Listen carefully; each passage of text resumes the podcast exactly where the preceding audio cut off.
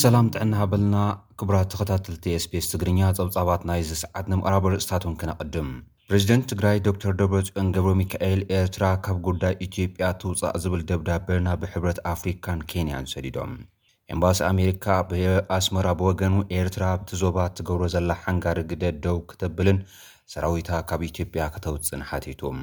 ኣብ ትግራይ ደቆም ዘየጋደሉ ወለዲ እሰረሎ ተባሂሉ መንግስቲ ትግራይ ብወገኑ እቲ ፍጻመ ከም ዝተኣረመ ገሊጹ። ኣብ ኢትዮጵያ ኣርባዕተ ሚእትን ኣርባዓን ሽዱሽተን ፋብሪካታት ከም ዝተዓጸዋ ሚኒስትሪ ንግዲ እታ ሃገር ኣፍሊጡ። ኬንያ ሰራዊታ ኣብ ዶባት ኢትዮጵያ ከተዋፍር ከምዝጀመረት ተሓቢሩ።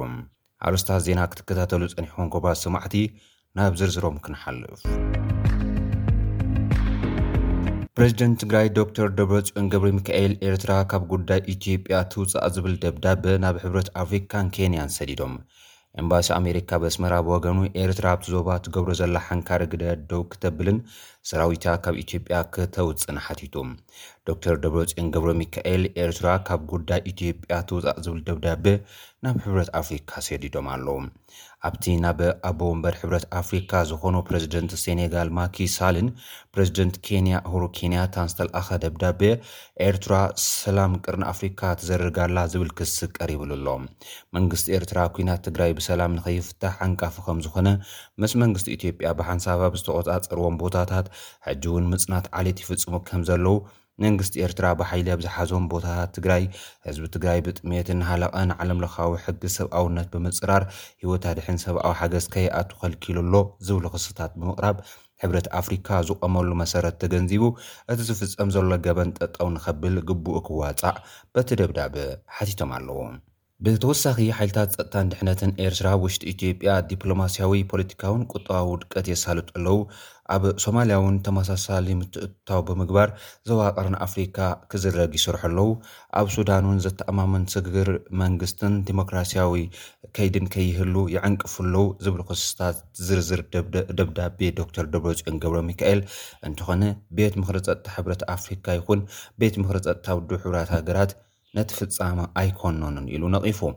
ኤርትራ ኣባል ቤት ምኽሪ ጉዳያት ሰብኣዊ መሰላት ውድብ ሕብራት መንግስታት ኮይና እውን እንተኾነ ንትግራይ ወሪራ ከበድቲ ዓለምለኻዊ ገበናት ምፍፃማ ዝሕብር እቲ ደብዳበ ኣብ ኢትዮጵያ ዘላቒ ዘተኣማምን ዘተ ሰላምን ፖለቲካዊ ልዝብን ክካየድ ዝኽእል ሓይልታት ፀጥታን ድሕነትን ኤርትራ ካብ መሬት ትግራይን ኢትዮጵያን ምሉእ ብምሉእ ክወፁ እንከለዉ ጥራሕ እዩ ኢሉ ኣሎ። ብዘይካዚ ዓለም ለኻዊ ዘይሻራዊ ኣፃራይ ገበን ጥሕሰት ሰብኣዊ መሰላት ውድብ ሕቡራት ሃገራት ንዝልእኾም ሰብ ሙያ መንግስቲ ትግራይ ደገፍ ከምዝህብ እቲ ደብዳበ ሓቢሩ። ፈፀምቲ ገበን ብዓለም ለኻዊ ሕጊ ክሕተቱ ፃዕሪ ከምዝገብር እውን ኣፍሊጡ ኣሎ። ማእለያ ዘይብሎም ገበናት ዝፍፀምዎ ዘለዉ ልዕሊ ሸውዓተ ሚሊየን ህዝቢ ትግራይ ብጥምየት ይመውት ኣሎ ዝብል ክሲ ዘቕርብ ደብዳበ ዶክተር ደብረጽዮን ገብረሚካኤል፣ ህጹጽን ዘይተገደበን ሰብኣዊ ሓገዝ፣ ዘላቒ ሰብኣዊ ረድኤት ናብ ህዝቢ ክበጽሕ ደጊሙ ብምጽዋዕ፣ ዶብ ሰገር ንግዳዊ ምንቅስቓስ ክህሉን ስምምዕ ጄኔቫ ክትግበርን ማሕበረሰብ ዓለም ጽዕንቶ ክፈጥር ሓቲቱ ኣሎ። እቶም ዝተሓተቱ ጉዳያት ተፈጸምቲ ምስ ዘይኾኑ ግና፣ ተፈጥሮኣዊ መሰል ምንባር ህዝቢ ትግራይ ንምርግጋጽ፣ መሰል ዓርሰ ውሳኔ ንምውሓስ፣ ሕጋውን ሞራላውን ቃልሲ ህዝቢ ትግራይ ክቕጽል እዩ ኢሉ'ሎ። እዚ ከምዚ ኢሉ እንከሎ፣ ኤምባሲ ኣሜሪካ ኣብ ኣስመራ፣ ኤርትራ ኣብቲ ዞባ ትገብሮ ዘላ ሓንካሪ ግደ ደው ክተብልን ሰራዊታ ካብ ኢትዮጵያ ክተውጽእን ሓቲቱ። ሰራዊት ኤርትራ ኣብ ትግራይ ጭካነ ዝተመልኦ ቅትለት ህጻናትን ሰላማውያን ሰባትን፣ ጾታዊ ዓመጽን ዝርከብዎም ገበናት ፈጺሙ፣ ሸቐጣትን ናውቲ ጥዕናን ዝርከብዎም ናውቲ ዘሚቱ ዝበለት ኤምባሲ ኤርትራ፣ ሰራዊታ ብህጹጽ ካብ ትግራይ ክተውጽእ ገበነኛታት ተሓተትቲ ክትገብር ነዚ ዞባ ናይ ምሕንጋር ሽርሕታታ ጠጠው ክተብል ሓቲቱ ኣሎ። እቲ እምባሲ ነዚ ዝገለጸ ሚኒስትሪ ዜና ኣቶ የማነ ገብረመስቀል ዳይረክተር ትካል ዓለምለኻዊ ልምዓት ኣሜሪካ USAID ብዛዕባ ኤርትራ ዝንቡዕ ሓበሬታ ይፍነዋ ኣለዋ ዝብል ክሲ ንዘቕረብዎ ጉዳይ መልሲ ክህብ እንከሎ እዩ። መንግስቲ ትግራይ ወለዲ ናይቶም ክዓጥቁ ፍቃደኛታት ዘይኮኑ መንእሰያት ብምእሳር ተኸሲሱ። መሪሕነት ትግራይ ብወገኑ እቶም ተግባራት ጠጠው ከምዝበሉ ሓቢሩ'ሎ። ቢቢሲ ኣብ ዘውጽኦ ጸብጻብ፣ ወለዲ ናይቶም ናብ ዕጥቂ ክወርዱ ዘይከኣሉ መንእሰያት ትግራይ ይእሰሩ ከምዘለዉ እዩ ገሊጹ ዘሎ።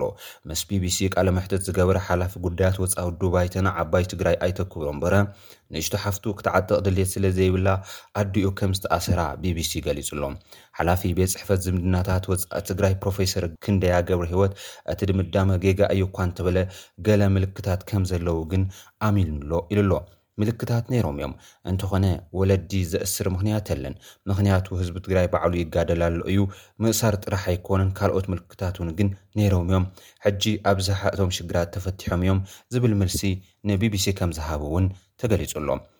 እንተኾነ ብዛዕባ እቶም ተራእዮም ዝተብሃሉ ምልክታት ዝርዝር ሓበሬታ ካብ ምሃብ ከም ዝተዓቀበ እውን እቲ ጸብጻብ ኣረዲኡ ኣሎ።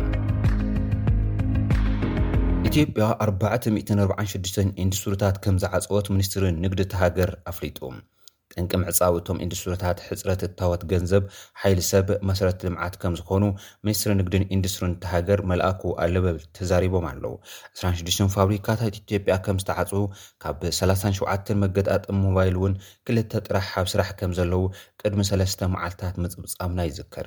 ጠንቂ ምዕጻው ናይተን ፋብሪካታት ሕጽረት ሸርፊ ወጻኢ ከም ዝኾነ እውን ተሓቢሩ ኣሎ። ብሰንኪ እቲ ኣብ ኢትዮጵያ ዘሎ ኲናት ዝወለዶ ሕጽረት ሸርፊ ወጻኢ ካብቲ ዓውዲ ዝተረኽበ ውጽኢት ዓሰርተ ትሽዓተ ነጥቢ ክልተ ሽዱሽተ ጥራሕ ምዃኑ እውን ተገሊጹ እዩ። ብተወሳኺ ኣብ ምግጣም ሞባይል ይነጥፋ ካብ ዝነበራ እተን ሰላሳን ሓሙሽተን ካብ ሰላሳን ሸውዓተን ፋብሪካታት ከም ተዓጽዋ እውን ክግለጽ ጸኒሑ'ዩ። ኢትዮጵያ ኣብ ኣፍሪካ ካብ ሱዳንን ዚምባብዌን ቀጺላ ብምኽባር መሰረታዊ ቀረብ ወዲ ሰብ ትሳቐ ዘላ ሃገር ምዃና ኣፍሪካ ቢዝነስ ኢንሳይደር ኣብዚ ቀረባ እዋን ከም ዘቃልዐ ይዝከር።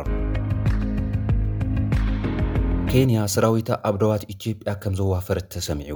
ኬንያ ምስ ኢትዮጵያ ኣብ ዘዋስና ከባብታት እትርከብ ማርሳቢት ዝበሃል ግዝኣታ ብዝተወልዐ ዓሌታዊ ጎንፂ ብዙሓት ሰባት ድሕሪ ምሟቶም ብኣሽሓት ዝቑጸሩ ፖሊስ ዝርከቦም ሓይልታት ጸጥታ ናብቲ ከባቢ ኣዋፊራ ከምዘላ ተሰሚዑ ኣሎ።